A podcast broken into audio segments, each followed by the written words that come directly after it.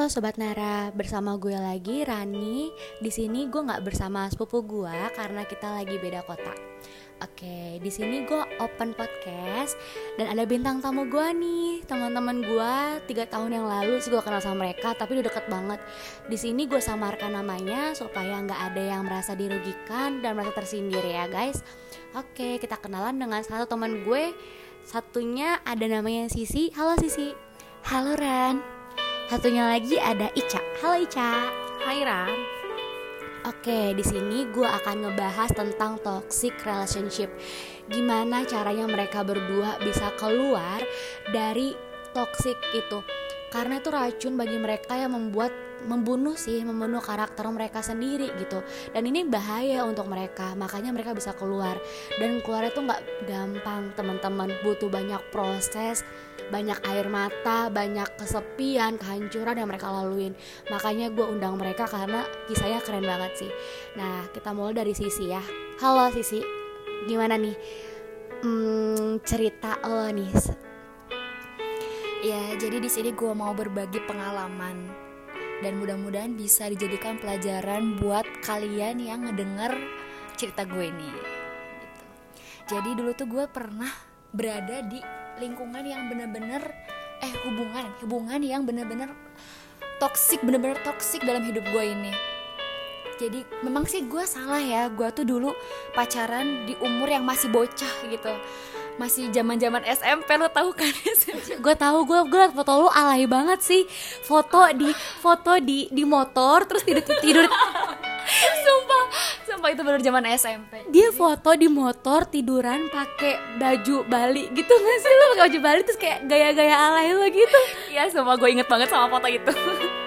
Nah jadi gue tuh pacaran dari kelas 2 SMP dan itu tuh kayak baru pertama kali gue pacaran yang sekali pacaran langsung lama gitu. Jadi gue tuh pacaran dari kelas 2 SMP terus hmm, gue bener-bener nyaman di hubungan itu gue tuh ya dari situ tuh gue bener-bener kayak ngerasa punya saudara kakak cowok dan bahkan orang tua. Gue tuh kayak kayak dia gitu. Karena gue tuh dua, hampir 24 jam tuh selalu sama dia gitu. 24 jam kayak polisi loh. Ya bisa dibilang kayak gitu. Karena gue tuh chatan semalaman teleponan bisa semalaman. Terus gue pergi ke sekolah karena memang waktu itu SMP gue tuh samaan kayak dia satu SMP gitu maksudnya SMP eh berangkat es ke SMP tuh bareng dia ke kantin bareng makan bareng. Nggak nih sumpah sumpah ini tuh kayak lo tuh kayak kembar siam bukan kayak pacaran. Iya bener banget. Dan gue tuh pernah dianggap lo kembar ya sama cowok lo soalnya mungkin karena gue tuh sering uh, hampir 24 jam bareng dia malah kayak kata lo adik kakak gitu. Terus setelah gue jalanin selama 2 tahun bener-bener gue tuh nggak bisa jauh dari dia karena kayak udah, udah ketergantungan gitu kayak obat gitu. Kalau gak ada dia gue tuh kayak sakit kayak ngerasa gak ini ini ini lebay. Lebay banget sih. Tapi emang dia kayak gitu orangnya. Nggak ini lebay banget. Iya, teman-teman perlu tahu ya dia tuh anaknya dramatis banget orangnya. Dramatis. Dan gue tahu gak sih kan kalau zaman zaman SMP tuh pasti kita sukanya ngeromantis romantis tanpa memikirkan ke depannya nih orang itu baik buat kita apa enggak. Ya udah dengan jalannya dia kayak gitu ya udah kita semakin menikmati gitu. Nah kayak gitu tapi ada nih kisah yang paling gue ingat dan gak bisa gue move on dari dia tuh. Apa? Gue pernah di kayak kalau zaman sekarang tuh kayak kayak di prank gitu ya. Soalnya gue tuh dulu ceritanya dia tuh lagi sakit. Terus gue pagi-paginya nih mau cerita mau ke sekolah. Dan gue tuh niat sepulang sekolah gue mau jengukin dia gitu. Tiba-tiba pas gue mau berangkat gue di chat dia meninggal. Gue langsung tunggu tunggu tunggu. Ini pranknya kebangetan. Kebangetan banget sih ini pranknya. Sumpah sumpah. Dan gue tuh kan kalau masih kecil maksudnya masih zaman SMP gak kepikir itu ngeprank atau bener apa enggak. Tentunya gue percaya aja karena dia tuh sakitnya tuh lama gitu.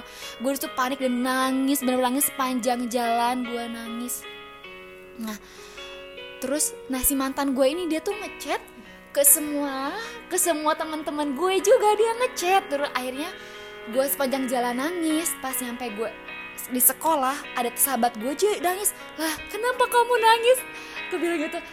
Lah ya kan dia tuh meninggal. Ah berarti iya bener gitu kan. Sumpah gue tuh di situ kayak shock bener-bener shock. Dan gue tuh langsung masuk kelas gue langsung nangis.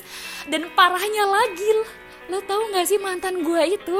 Dia ngechat ke semua temen-temen hampir ke kelas tiga semuanya tuh ngechat dan orang-orang tuh kayak ngerumunin gue.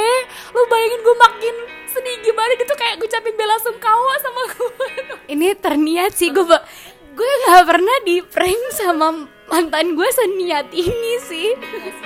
Nggak tau lah sih gue juga nggak ngerti banget. Terus tiba-tiba nih ya dia tuh kan punya teman yang memang rumahnya itu uh, pinggir sebelahan banget gitu. Terus tiba-tiba dia tuh dateng ke SMP kayak keheranan gitu. Lah kok ini kenapa sih pada kerumunan kayak gini gitu? Lah emang lu gak tahu? Kan si mantan gue ini tuh meninggal. Wah apaan? Baru aja dia tadi seangkot sama gue hah? Gue langsung kayak ini bener gak sih? Lu jangan ada ngada tuh kata teman-teman gue gitu. Enggak lu kalau nggak percaya sama gue lihat aja tuh di jendela dia kelihatan tuh. Mantan lu tuh Jess karena kelihatan. Gue di situ udah kayak sedih sedang ah nggak tahu lah campur aduk pokoknya terus tiba-tiba si mantan gue ini kucuk kucuk kucuk datang dong anjir. Semua orang kena prank sama dia. Terus gue kayak si mantan itu nyamperin gue terus sampai ngelus-ngelus rambut gue gitu kayak di drama-drama Korea aja Enggak ini teman-teman jangan terlalu baper ya Soalnya nanti kisah-kisahnya endingnya menyakitkan. Coba lu bayangin kayak gitu Gimana nggak bisa move on kalau sama mantan lu tuh digituin gitu Terus pas udah gitu Gue masih nunduk nih ceritanya di bangku. Masih nunduk Dia ngelus-ngelus kepala gue Terus Dan lu tahu nggak sih ini bener-bener paling so sweet sih di dalam hidup gue. Untuk saat ini dia ngasih cincin dong cincinnya emas atau ya enggak sih cincin, cincin plastik yang ciki-ciki ciki-ciki. Enggak enggak ciki-cikian juga sih mungkin ya standar lah ya. Tapi kayak sosis banget gak sih? Dia ngasihnya depan teman-teman gue kayak di drama Korea gitu kan. Makanya itu gak bisa move on tuh karena uh, apa sikap keromantisan dia tuh yang bikin gue tuh nyaman dan kayak udahlah keadaan emang tipe gue tuh emang yang buat ngeromantisin sama yang manjain gue gitu oke terus um, itu kan berjalan dengan sempurna ya sesuai dengan apa yang lo mau gitu kan. Nah ada nggak um, nah sekarang kan kan suka sukanya nih romantisnya gimana gue tahu banget nih mantan lo tuh kayak romantis banget lah. Nah setelah itu kan kebanyakan laki-laki kebanyakan itu tuh awal-awal itu bakalan kayak jor-joran kayak gue mau ngejual sesuatu dan gue bakalan mengutarakan kelebihan-kelebihan gue nggak mungkin dong dia ceritain kekurangannya dia saat awal-awal lo pasti bakal nolak gitu.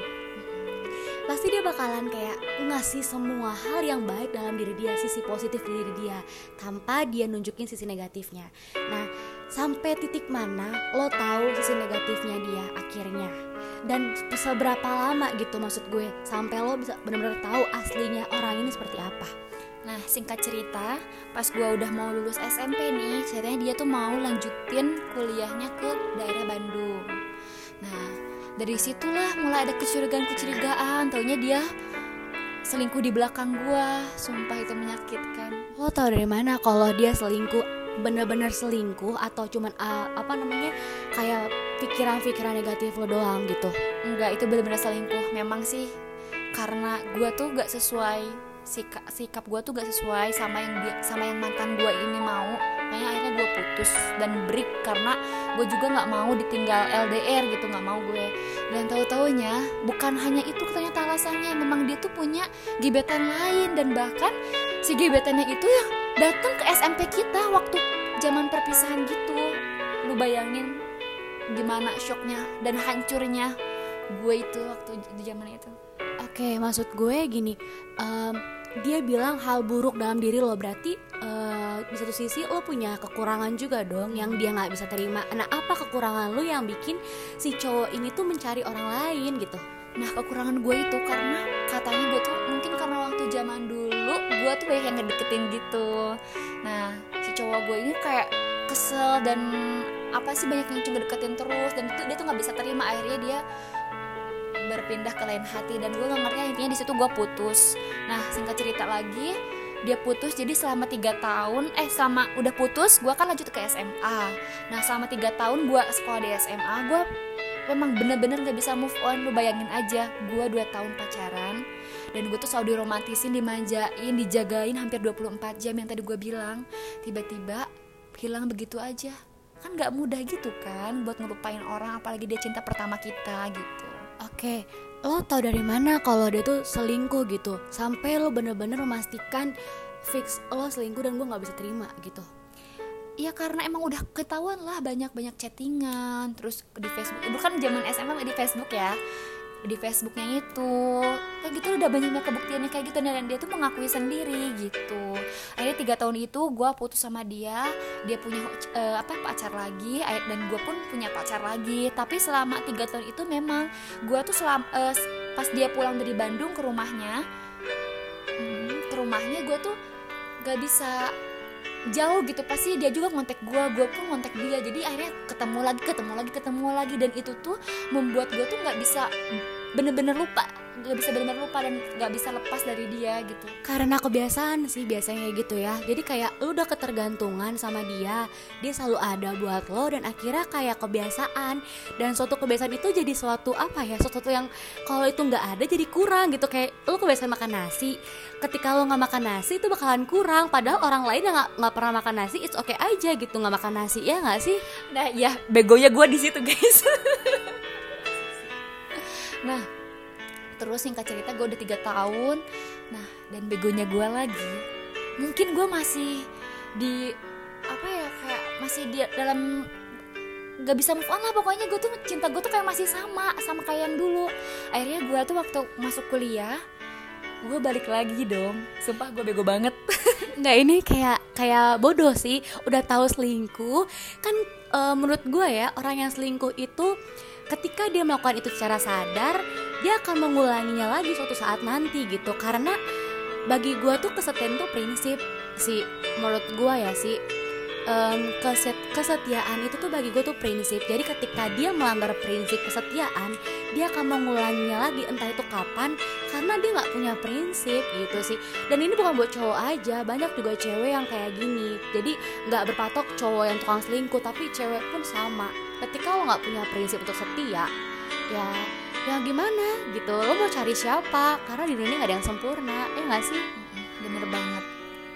Ya itu ya udahlah ya ini buat pelajaran aja bagi gue terus gue tuh pacaran nih sam dua tahun setengah lah gue menjalin pacaran lagi sama dia. Kalau dihitung itu dari SMP 2 tahun terus kuliah lagi dua tahun setengah eh pokoknya kemarin ke lima tahun lah ya gue uh, menjalin hubungan sama dia. Dan kita tuh udah udah tahu banget lah sikap baik buruknya dan keluarga pun udah saling tahu gitu. Tapi di sini yang bikin gua toksik itu apa? Pertama dia tetep ternyata sikapnya udah kayak masih kayak dulu lah. Masih kayak dulu. Tetap tetap protektif dan semua apa yang gue lakukan tuh gue harus minta izin lagi ke dia dan gue pun begonya masih nurutin dia juga. Si mantan gue ini masih gue turutin apa yang kata dia. Ini ya udah gue jalaninnya. Ini ya udah gue jalanin kayak gitu terus singkat cerita lagi pokoknya gue tuh udah menjalin hubungan toksik itu dari kuliah sih udah mulai dari kuliah gue toksik banget.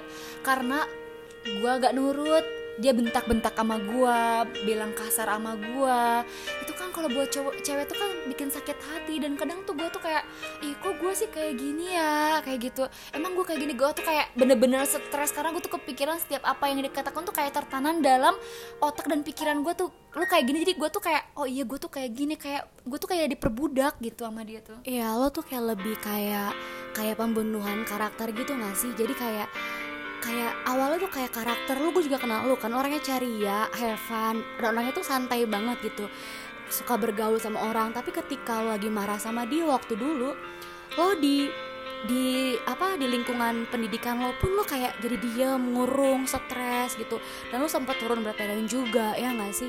Karena lo tuh kayak ngerasa gue juga nggak tahu sih ketika gue negor lo di saat lo lagi berantem sama dia lo pasti bakalan ketu sama orang lain dan gak pengen ngobrol ya gak sih? Iya nah makanya itu. Jadi moral sama pikiran gue tuh terganggu ya gak sih? Lu juga kan bisa rasain segir, sendiri ya Ran gitu.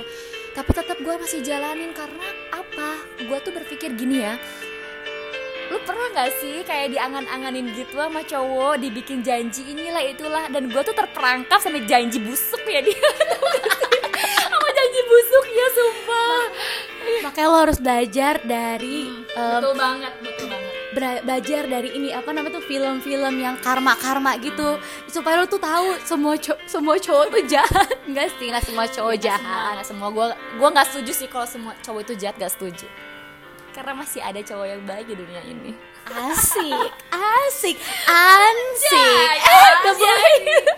Nggak boleh ngomong nggak boleh. ngomong. Nanti dipidana cuy bilang aja ansik kalau lo keceplosan kayak an a ansik Oh, kalau anj anj boleh gak anj anj? India kali lo. Oke oke. Terus terus terus. Dia terper oh terperangkap sama dia dengan gue yakin banget nih pasti janji cowok kebanyakan itu adalah mau nikahin ya nggak sih? ih bener banget. Dia tuh ya udah janji mau nikahin. Dan dia tuh kan yang memang dia juga nganggap gue tuh kayak udah pacar mungkin kayak istri sendiri gitu ya gak ngerti deh gue Dinafkahin gak kalau lo istri sendiri? ya enggak sih kalau jajan masih 50-50 ya itu bukan istri. Gak masalahnya gini, kenapa gue beranggapan eh, sebagai istri? Karena eh, setiap apa yang dia lakukan, setiap masalah apa pun yang sedang dia alami, dan setiap pendapatan atau pengeluaran yang dia eh, keluarkan saat satu bulan itu kadang cerita misalnya gini nih, kalau dalam hal eh, masalah gue ada masalah ini sama eh, keluarga gue dan keluarga gue tuh ada masalah. Jadi kayak kayak udah gak ada malunya gitu gitu terus itu salah satunya. Terus yang keduanya dia kalau masalah pengeluaran nih eh gue dari orang tua gue punya uang dikasih uang segini. Terus gue eh, pengen beli ini ini. Nanti kamu tulisin ya buat biaya bulanan aku misalnya buat pulsa 50.000 ribu buat eh, jajan keperluan make up misalnya kayak pencuci muka gitu maksudnya gitu. Sekian ribu terus buat makan sekian ribu buat kosa gini-gini.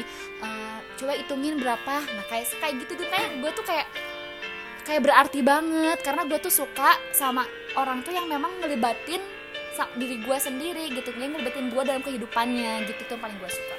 Oke, nah gue pengen tahu banget nih teman-teman mungkin mau tahu juga nih kan toksiknya kayak dia dia orangnya bikin berarti dia kayak kekerasan verbal kan? Buk masa ke- kekerasan verbal fisik ada nggak? Kekerasan fisik?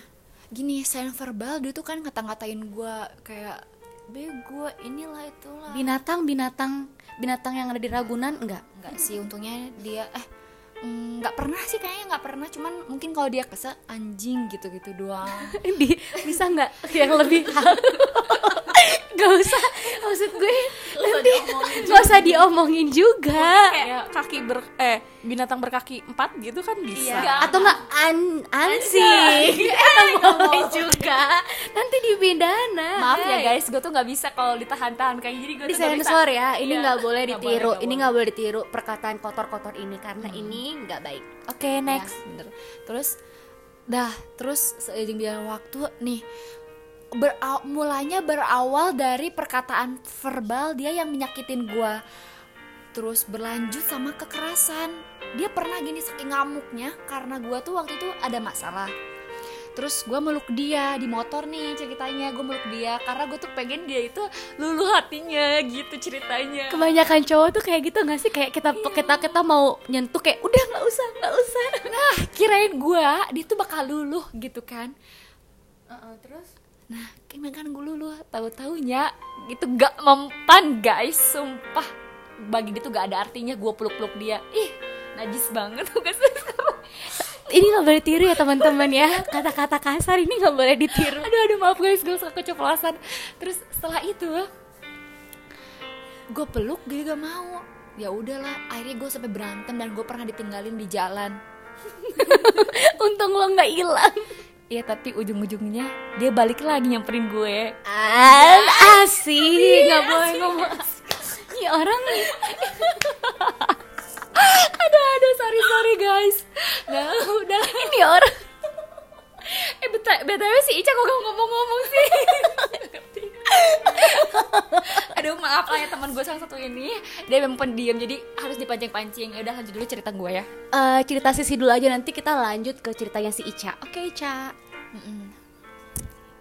Nah terus udah gitu gini. Ya Kan udah verbal, kekerasan Sampai gue tuh pernah di titik yang bener-bener dia tuh marah semarah-marahnya sama gue sampai dia mau ngebanting banting. Apa kayak bukan ngebanting awal itu kayak kan kita duduk di meja tamu tuh di rumahnya dia. Kebetulan orang tuanya lagi nggak ada cuma ada ada-adanya doang gitu. Si meja itu kayak ditendang sama dia gara-gara kesel sama gue. Terus di situ kan ada laptop gue itu mau dibanting dong Untung masalah itu laptopnya lu ya. Kalau laptop dia mah nggak apa-apa. sampai gue tuh baru lihat gitu dia tuh kayak marah bener-bener marah. Keluar kayak merah gitu mata matanya. Semua udah udah merah-merah kayak gitu lah. BTW ini kesalahan lo apa yang bikin dia Maksud gue kan gak mungkin lo tiba-tiba dia marah kayak orang gangguan gitu kan gak mungkin. Maksudnya ada kesalahan apa yang lo buat sama dia sampai dia tuh marah? Walaupun gak boleh Maksudnya gak, walaupun gak boleh kasar gitu. Mm-mm, itu kesalahannya gara-gara eh, gue tuh kayak ngeprotektifin dia juga gitu. Kan dia hubungan sama teman gitu. Tapi gue tuh curiga nih sama temennya. Dia tuh kok kayak asik banget gitu sama mantan gue ini tuh gitu. Kayak apa apa cerita kan gue jadi ini ya apa namanya jadi eh apa cemburu gitu. Kayak ih kok ini kayak gini sih? Kayak udah bukan temenan kayak biasanya gitu. Kayaknya gue jadi protektifin dia juga gitu. Karena lu bayangin lah udah janji nikah terus gue di kayak gituin ya gue juga takut lah Takut dico digondong sama sama ini ya pelakor iya anjir pelakor Kata-kata kasar ya teman-teman Jangan ditiru Iya, iya, iya, sorry, sorry. Iya, pelang pelakor gitu. Akhirnya dia dia tuh menurut gue sih dia tuh udah kayak ada perasaan, menaruh perasaan sama temen ceweknya ini. Dan akhirnya setelah pas gue protektifin dia, dia tuh kayak ngelawan, memberontak gak suka gue yang dia digituin. Terus dia tuh semenjak dia kuliah, kuliah mungkin dengan lingkungan dia yang militer, dia kebawain ngerokok nih. Dan gue tuh salah satu cewek yang gak mau kalau pasangan gue tuh ngerokok gitu. Karena kan gue dinakes ya. Ya kali eh, pasangan gue ngerokok gitu. Karena gue tuh tahu akibatnya gimana. Pokoknya intinya gue belum bisa kalau pasangan gue tuh ngerokok gue gak bisa terima. Terus dia marah-marah besar. Dia sampai mau udah mau tampar gue tapi gak jadi. Tapi nggak sih cuman kayak dia tuh buru sadar gitu Is gila ya gue di situ kan kayak cengok diem gemeteran bener-bener gemeteran takut gue sampai dingin. Semua badan gue dingin karena gue tuh ngeliat amarah dia yang kayak gitu. Ih sumpah gue nggak bisa ngilangin deh. Kayak gak kebayang gitu gak sih? Yang awalnya romantis, baik Dan semua hal positif, kesempurnaan Ada di milik dia seperti malaikat. Cinta pokoknya bener-bener itu dulu tuh bener-bener indah seindah indahnya akhirnya pokoknya nah dimulai dari semenjak dia apa ngomongin keluarin kata-kata yang kas- kasar ya. Dari situ berlanjut berlanjut. Tapi gue tetap nih masih hubungan berlanjut berlanjut berlanjut. Ah udah gak bener ini. Semuanya kayak bikin gue sakit gitu. Dikit-dikit berantem dikit-dikit berantem. Dikit-dikit putus dikit-dikit berantem. Gitulah putus nyambung putus nyambung gitu. Kita tuh lah eh, gimana ya pacaran tapi gak langgeng gitu misalnya nyambung atau kayak gitu-gitu terus lah gue udah pusing sama apa namanya sama gayanya kayak gitu terus gitu. Dan ini gue kadang ngasih kayak kesempatan gue putusin dia nih gue pernah putusin dia terus dia ngasih gue ini apa pengen kasih kes- dia kesempatan gitu. Akhirnya ya udahlah karena ya itu begonya karena gue tuh masih cinta akhirnya gue ngasih kesempatan ke dia berlanjut nih romantis semuanya. Pokoknya berjalan indah banget. Dek aja kejadian lagi. Dan paling parahnya dia selingkuhin gue. Ini selingkuh yang kedua kali berarti ya? Sebenarnya dia tuh udah selingkuh beberapa kali sih sebenarnya. Oh my god, dan lo dengan alasan cinta Menurut gue cinta dan bodoh itu beda-beda tipis Betty, beda-beda tipis gitu gak sih? nah iya gue nggak ngerti lagi sama diri gue sendiri nggak ngerti lagi. Terus ya udahlah ya. Karena gue tuh pengennya eh, apa suami apa punya suami tuh kayak dia gitu. Pengen udahlah gak usah cari yang lain. Karena kalian pernah ngerasain gak sih kalau kita udah pacaran lama terus nge- memulai hubungan baru lagi kayak ih males mengenal orang baru lagi ya gak sih? Iya kadang kadang yang salah juga kayak gitu sih si em, jadi kayak karena hubungan yang terlalu lama kayak bertahun-tahun kayak gila sayang banget hubungan ini kalau harus berakhir kayak gitu. Kadang kayak em, sayang nih gue buang-buang waktu dong kalau nggak sama dia. Jadi apa pun yang dia lakukan em, keburukan apa pun yang walaupun itu bikin lo sadar toksik tapi lo tetap pertahanin. Cuman karena lo tuh takut itu terlalu lama terlalu lama buat eh, buat diputusin gitu loh. Dan itu yang sebenarnya menurut gue tuh hal, hal yang salah sih kayak terlalu bodoh terlalu hmm, terlalu cuman karena eh, lo relain empat setengah tahun lo supaya dipertahanin lo malah nggak bisa nggak bisa apa ya lo nggak bisa mutusin em, karena empat setengah tahun ini nggak ada artinya untuk mempertahankan seseorang seumur hidup lo gitu. Jadi mumpung lo belum menikah udah kalau itu menurut lo nggak baik atau itu nggak pantas buat lo udah udahin. Karena jangan cuman karena empat setengah tahun seumur hidup lo bakal jadi neraka gitu loh. Dan ini buat teman-teman sobat Nara juga di rumah eh gue ngasih tahu ini supaya wake up gitu bangun dari mimpi lo gitu nggak akan ada satu orang pun yang berubah karena lo. Dia akan berubah karena diri dia sendiri gitu. Dan karena waktu dan karena masalah-masalah dia dia akan berubah. Bukan karena lo ngelarang dia dia akan berubah gitu. Enggak dia akan kembali kepada sebelumnya dia gitu.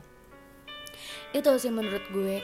Dan em, apa ya gue tuh gue tuh mm, jangan berpikir gitu loh kalau misalnya cowok cowok atau cewek ketika mereka menikah lo ngeliat mereka kasar mereka protektif ketika mereka menikah mereka akan berubah gitu jadi malaikat. Nggak mungkin bisa, iya bener-bener nggak mungkin. Dan itu akan terjadi eh, apa kayak habitnya dia sendiri ya kan? Makanya. Iya, jadi jangan. Jadi maksud gue selama lo masih pacaran, selama lo masih belum terikat dengan em, ikatan yang eh, sakral, lebih baik udah udah gitu sebelum lo menyesali kemudian hari gitu.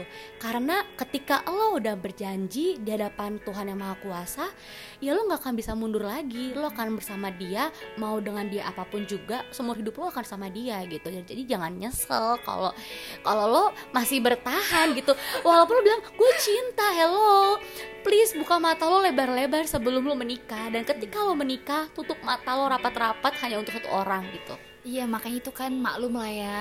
Pikiran kita belum terbuka dan kita masih sekolah bener-bener ya udah stuck di situ aja.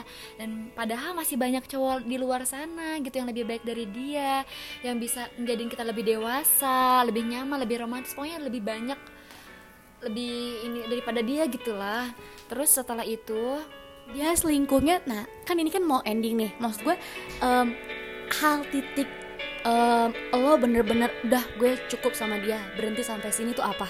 Karena dia tuh juga pengen minta putus. Dan gue tuh udah capek juga karena sering berantem dan bikin gue tuh pusing. Tapi sebenarnya gue tuh gak pengen putus karena bayangin aja di situ gue lagi akhir-akhir nyusun skripsi lah. Dan butuh support dari keluarga apalagi dari sahab eh, dari apa dari pacar gue gitu kalau taunya dia mau ya mungkin ini sih jalan satu-satunya juga kalau dia nggak kayak gitu dan gue pun nggak berani bertindak gue bakal bener-bener toxic terus aja hidup gue tuh nggak bakal bener sampai ke depannya gitu. Dan kalian tahu orang tua gue pun nggak setuju dengan hubungan ini karena mereka tuh ngerasa gue tuh berubah. Nggak kayak dulu. Berubahnya tuh kayak gimana? Pertama gue sering murung sering nangis kalau ada masalah terus gue sering menyendiri. Dan gue tuh kalau dibilangin sama orang tua gue tuh kadang gue marah gitu. Ya udah gak karuan lah emosi gue tuh. Dan gue tuh gak ngerti kenapa kayak gini gitu. Dan orang tua juga ngerasain bahwa gue tuh udah berubah banget. Nah makanya orang tua gue nggak setuju gitu buat pacaran sama si mantan gue ini. Perasaan apa yang lo alamin setelah lo benar-benar keluar dari toxic? Maksud gue lo ada pikiran untuk balik pastikan karena eh, ini tuh udah kayak habit lo untuk putus nyambung putus nyambung gitu. Nah apa yang benar-benar bikin lo udah cukup gue berhenti gitu? Karena gue tuh bener-bener kecewa di situ. Kan kita udah putus ceritanya tapi gue masih kayak kepo-kepoin dia. Dan karena gue belum bisa terima jujur aja gue belum bisa terima di situ masih denial. Terus ya udahlah tapi gue waktu itu gue punya akun IG-nya dia dan gue buka tuh. Padahal gue tuh udah dikasih tau dari dulu. Tapi gue nggak pernah ngebuka karena gue ya udahlah gue nggak mau tahu gitu. Kayak bodo amat pada gue tahu gue sakit hati gitu. Mending ya udahlah. Tapi pas putus gue tuh kayak penasaran apa siapa sih cewek yang lagi deket sama cowok sama mantan gue ini? Gitu. Karena gue tahu sendiri lah dia tuh kayak gimana gak bisa lepas tanpa gue gitu. Ibaratnya kalau dulu gitu. Tahu taunya gue bener-bener shock. Lo tau gak sih? Kenapa kenapa masa iya dia pacaran sama temen? Empat temen mantannya temen dia gitu. Ngerti nggak maksudnya? Iya ya ngerti berarti dia pacaran sama mantannya mantan dia. temannya dia Nah, gitu ya. Ya, Terus? Dan itu kita malah double date. Ih bayangin. Eh pokoknya gue uh, gerem banget di situ. Gila gila gila gila. Sumpah gue nggak bisa terima kenyataan ini. Nah udahlah tapi gue coba meng- menguatkan hati gue dan karena gue juga nggak mau lah ya lihat keluarga gue tuh sampai pernah kayak sedih banget gitu. Lihat gue tuh udah berubah bener-bener berubah dan cepet emosian gitu. Dan katanya sih kata orang tua gue waktu itu dia tuh sampai kayak ngedoain gue gitu buat pisah sama mantan gue ini karena orang tua tuh bener-bener udah gak rela gitu. Terus ya udah di situ gue menemukan banyak kejanggalan guys. Apa tuh kejanggalannya? ya catatannya udah kayak udah gak bener gitu lah kayak gue udah mikirnya ke mana-mana gitu. Dan gue pernah lihat dia tuh waktu ulang tahun gue mau ngucapin dia gue udah udah jauh-jauh hari sih mau ngucapin dia bikin dia aku mau gitu ah gitu mau ngucapin dia yang terakhir kalinya. Gue lihat di instagramnya dia dikasih surprise juga dong sama si mantannya temennya itu. Dan itu di mana? Itu kayak di rumah gitu. Kayak bangun tidur.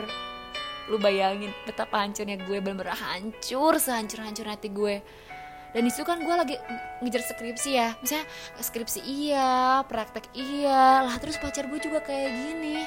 Sumpah gue di situ kayak bener-bener semua harapan gue tuh kayak bener-bener hancur bener-bener udah udah gak ada harapan lagi di dalam hidup gue gue kalian asal kalian tahu ya gue nggak ngerti gue juga nih sama diri gue sendiri sampai gue tuh kayak mau nyudahin kehidupan ini gitu.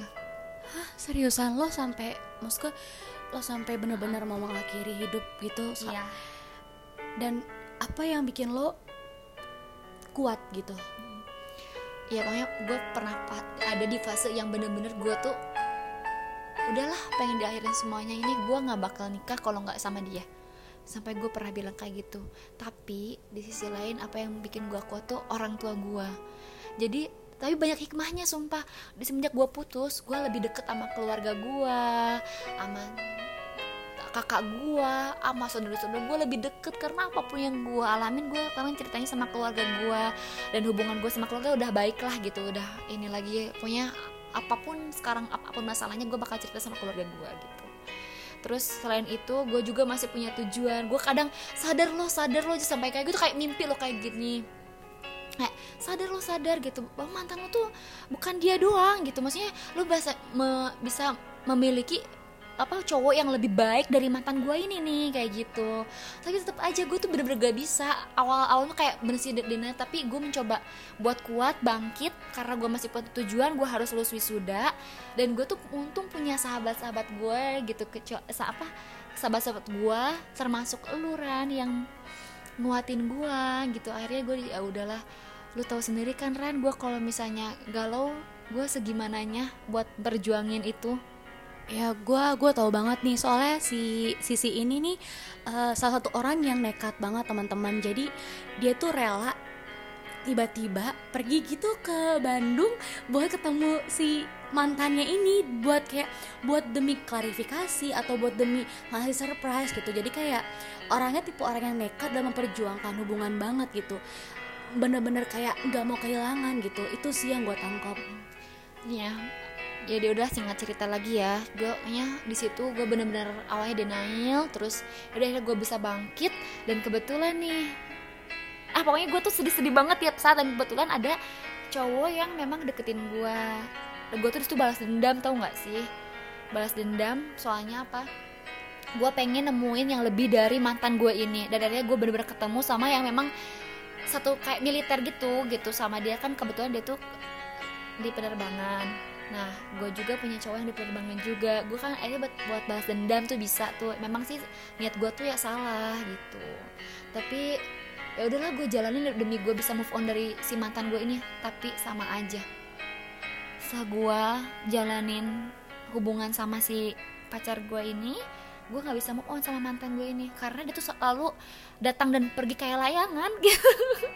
Bukan layangan hantu kali lebih tepatnya kalau layangan itu tarik ulur. Iya, kayak tarik iya bener. Bisa kayak tarik ulur terus kayak hilang dan pergi juga kayak gitu. Mas ya udah. Akhirnya gue menyudahi sama pacar gue ini deh. Dan gue balik lagi ke mantan gue sering hubungin gitu-gitu. Ya gue nggak ngerti mungkin karena gue tuh udah lama pacarannya dan gue tuh tipe orangnya yang setia. Maksudnya kalau udah satu ya udah satu. Dan nggak bisa tergantikan gitu. Dan tapi di saat gue kayak gitu kalian harus tahu gue ada salah satu cowok yang memang dia sabar banget ngadepin gue. Lu tahu kan kalau misalnya udah putus udah move on gimana cueknya kita sama orang lain gitu yang mau deketin kita? Bener cuek nih gue tuh awalnya sama cowok ini tuh dia deketin gue pas gue lagi pacaran sama mantan gue ini. Nah gue nggak bales nih sampai satu tahun. Setelah gue putus nah baru gue ini ya apa jadian. Eh enggak enggak jadian udah gue chat-chatan kayak gitu. Nah kebetulan cowok gue ini tuh temennya temen gue gitu. Deket-deket deket dan gue tuh gimana ya nilai itu kayak sabar dan bisa mungkin bisa gue move on sama si mantan gue ini karena dia tuh bisa sedikit demi sedikit bisa ngebeli hati gue gitu. Akhirnya ya gue udah gue jalanin. Gue jalanin. Dan semuanya berjalan apa berjalan dengan lancar. Dan sampai sekarang deh gue masih sama cowok gue ini. Dan sumpah gini ya semakin kita hmm, semakin kita mengingat dan berusaha buat move on sama si mantan kita ini itu gak bakal bisa lepas. Gak makan makan malah menghantui kita setiap pagi malah makan menghantui semakin kita ingin melepas semakin kita akan dihantui. Nah makanya gue belajar dari situ. Gue harus benar-benar ikhlas dan merelakan ya udah. Kalau emang bukan jalannya ya udah nggak usah gue pikirin lagi. Nah itu sih hal yang paling terpenting tuh. Ya udah gak usah mikirin gitu. Ntar juga bakal hilang dengan sendiri. Dan bener sampai sekarang gue yang tadinya pengen mengakhiri mengakhiri hidup ini gitu. Udah udah nggak ada udah nggak ada rasa kayak gitu. Apaan sih? Rasa sedikit udah nggak ada sama mantan gue ini nggak ada Oke, berarti em, kalau di sini ya, menurut gue kayak lo tuh udah bangkit dan bener-bener bangkit gitu ya. Buat sobat Nara, ini tuh penting banget. Jangan berpikir kalau cuma lo doang yang ngerasain, ngerasain apa ya? Kayak gue nggak bisa, gue nggak bisa, semua bisa gitu. Asal lo tuh punya kemauan.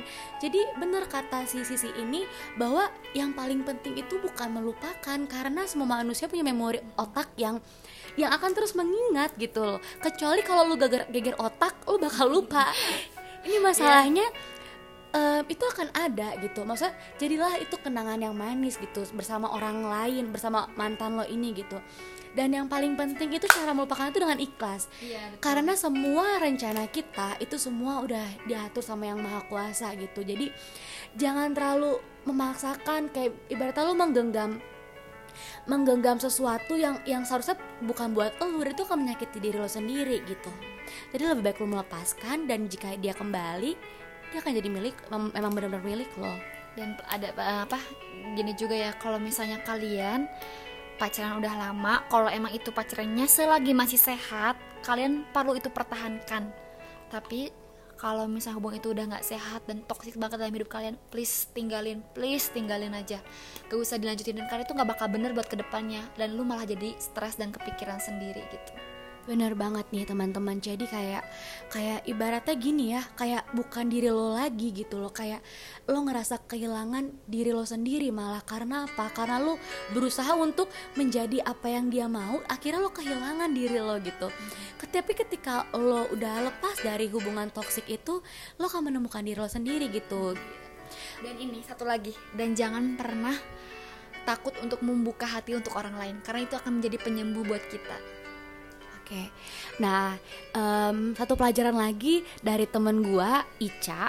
Em, Sebenarnya nggak terlalu panjang sih ceritanya, cuman singkat, cuman penuh dengan apa ya arti ya. Maksudnya kayak ada kesan yang mendalam dari ceritanya Ica. Gimana nih Ca? Iya jadi sebenarnya kalau misalkan hubungan gue sih nggak pas hubungan tuh nggak terlalu toksik kalau menurut gue malah dimulainya itu setelah gue ya mengakhiri hubungan sama dia gitu. Mungkin kalau misalkan kelihatannya kan kita dari SMA kita SMA biasa semuanya baik-baik aja nggak ada nggak ada ibaratnya ya masalah-masalah biasa aja gitu masalah sepele. Tapi pas kita udah kuliah kebetulan juga kita di eh, salah satu perguruan tinggi yang sama juga. Dan akhirnya di situ tuh mulai kelihatan apa ya eh, dia tuh kayak sering bohong. Sa- padahal kita satu kampus gitu tapi dia sering bohong di situ.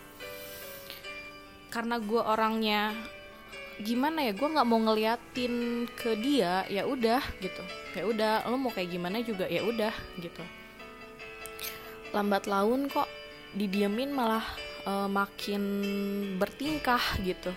Akhirnya di semester 4 kalau nggak salah gue nanya beranikan diri buat nanya ke dia sebenarnya mau lu tuh apa sih kalau misalkan mau hubungan kita berakhir ya udah bilang jangan kayak gak nganggep gua gitu padahal gua ada Wait, wait, eh, bertingkahnya nih kayak gimana nih? Maksudnya kayak jelasin detailnya gitu loh. Maksudnya kayak bertingkahnya tuh kayak kayak apa? Kayak badut, kayak pecicilan atau gimana nih? Yang pertama biasanya handphonenya itu nggak pernah dia kunci nggak pernah dia kunci. Tapi udah mulai dia kunci gitu. Kan gue penasaran ya kok bisa dikunci ada apa gitu. Ya udah gue minta aja ya udah apa e, ininya passwordnya. Gue buka ternyata ya bener ada chat dari cewek gitu. Itu mantannya dia juga gitu dari mantan dia. Gue di situ mau ma- gue bukan tipikal orang yang emang ngeluapin emosi gitu tapi gue diem aja oh ya udah gitu. Lambat laun ya udah dia bilang ya udah kita mau break. Kalau gue nggak mau break karena apa? Karena pasti gue sakit sendiri. Gue bilang sama dia kalau misalkan lu mau putus ya udah bilang putus. Kalau misalkan lu mau lanjutin hubungan ini ya udah gitu. Karena aneh gak sih mood kalian? Gue pacaran sama dia gue satu kampus tapi kadang kalau gue pulang ke kosan gue dianterin sama temennya bukan sama dia Aneh sih menurut gue karena kan tanggung jawabnya dia sebagai pacar. Iya, aneh kan? Tapi ya udahlah kata gue ya udah. Karena gue mikirnya gue udah gue mandiri gitu ya udah gue bisa sendiri. Tapi kadang omongan dari orang yang bikin, "Ja kok mau kayak gitu gitu." "Ja kok lu mau sih?" Ya ya udah gitu. Gue mikir ya emang dia mah orangnya kayak gitu, cuek gitu. Tapi enggak kok di belakang di belakang kalian dia nggak gitu. Dia so sweet kayak biasa pacar biasa gitu. Tapi kalau di depan kalian mungkin dia pengen sok cool atau apa lambat laun juga gue juga jenuh gitu. Dan di situ dia udah mulai mau ke cewek lain gitu. Kok ke cewek lain mau nganterin ke gue sendiri ceweknya enggak gitu. Di situ gue mulai aneh soalnya kan kita beda organisasi teman-teman organisasinya dia sering ajak anter pulang gitu Pak. Ba- bahkan yang jauh pun dia anter gitu kan gue sebagai ceweknya ya cemburu lah di situ Wajar sih kalau ini bener wajar sih bakalan marah. Kenapa lo nggak dianterin cewek lain dianterin hello? iya maksudnya siapa sih di sini ceweknya tuh siapa gitu dan akhirnya ya udah di situ dia bilang oke udah kita putus tapi ingat dia dia bilang tapi ingat aku bakal balik lagi ke kamu ya udah namanya cewek yang masih sayang ya udah gue iyahin omongan dia. Tapi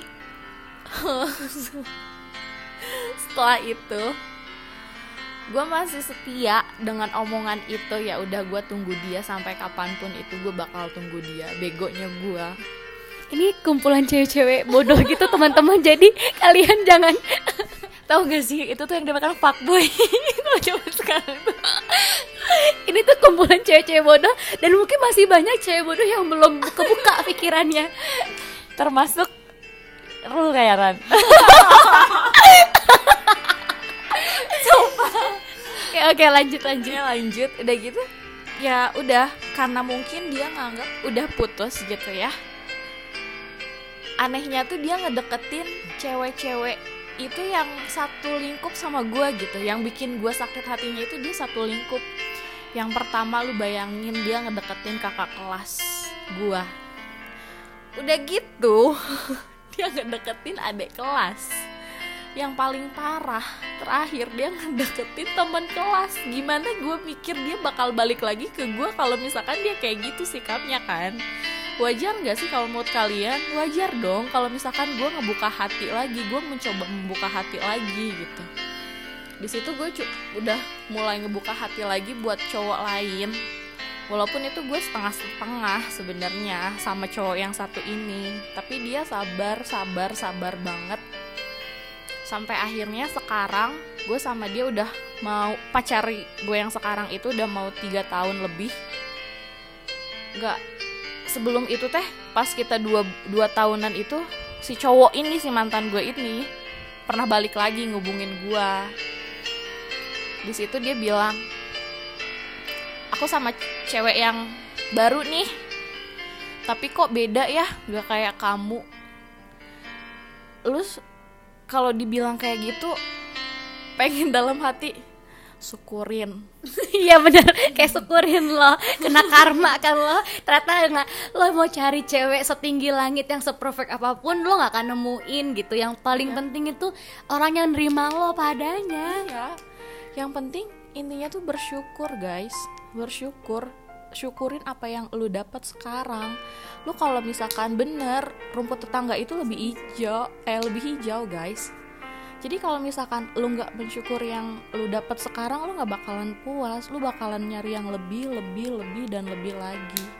Itu sih sebenarnya.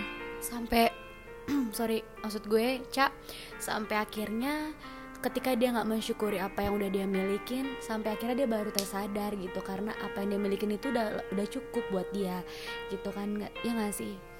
Iya, di situ juga dia bilang, dia sampai bilang nggak kayak gue gitu. Ya mungkin gue tuh bukan tipikal orang yang harus kamu tuh gini-gini, gue nurutin apa yang dia mau, tapi gue bingung apa yang apa yang dia cari lagi sih sebenarnya gitu. Gue cuma kurang puas karena dia tuh butuh butuh banyak perempuan gitu untuk dia explore. Kalau menurut gue sih gitu. Ya makanya gue bingung kata lu mau gay gimana juga gue iyahin gitu kan. Lu mau deket sama cewek pun lu tahu gue bertahan ngelihat dia gonta-ganti cewek itu selama berapa tahun guys? Selama 2 tahun. Dan gue itu baru nerima cowok itu di akhir semester pas gue mau bikin skripsi. Dan itu tuh gue ngerasa salah banget sih. Kenapa gue nganggep cowok ini tuh yang bener-bener tulus tuh kayak buat pelarian aja gitu. Dan gue tersadarnya sekarang-sekarang. Ternyata cowok itu tuh bener-bener tulus. Sampai dia sadar kalau misalkan sebenarnya dia itu pelarian gue dia tahu itu tapi dia nggak ninggalin gue guys. Itu sih yang bener-bener ya Tuhan itu bakal ngasih yang terbaik buat hambanya kalau misalkan kita sabar sih sebenarnya. Yang gue tangkap dari kisahnya Ica ini bener sih kata lo statement lo yang paling gue suka adalah lo harus bersyukur sama apa yang lo punya gitu. Karena orang lain pun pengen pengen kadang lo nggak sadar kalau orang lain tuh juga pengen pengen punya apa yang lo punya gitu. Tapi lo kayak di mata lo orang itu selalu kekurangan. Padahal di orang di mata orang lain tuh dia suatu satu anugerah kelebihan gitu.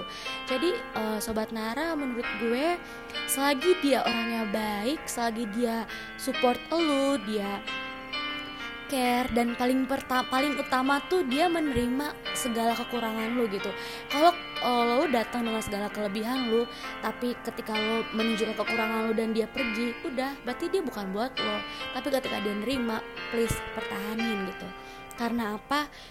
Lebih bersyukur sama apa yang udah Tuhan kasih buat lo. Karena banyak di luar sana orang yang pengen punya pasangan kayak pasangan lo gitu. Ya nggak sih?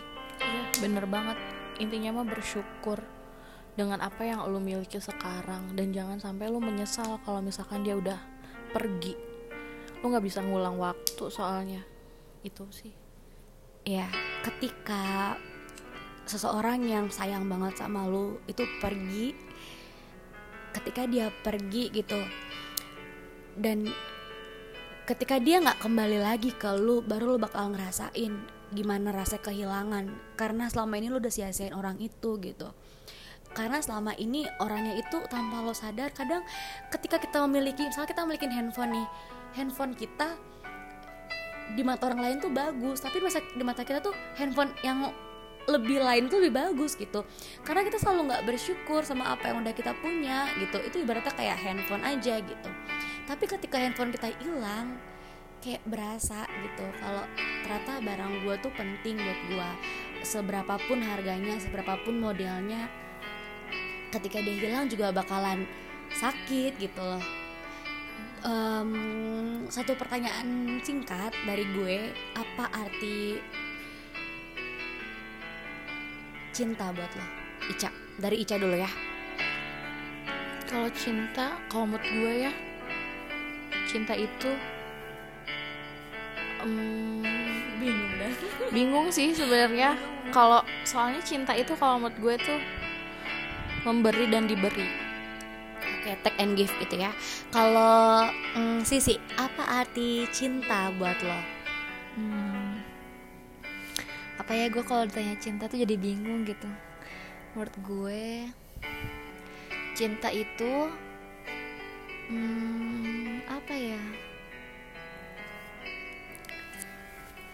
Cinta itu adalah suatu anugerah yang kalau misalnya kita jalani dengan ikhlas akan menjadi kesempurnaan buat dalam diri kita ataupun dalam sama pasangan kita.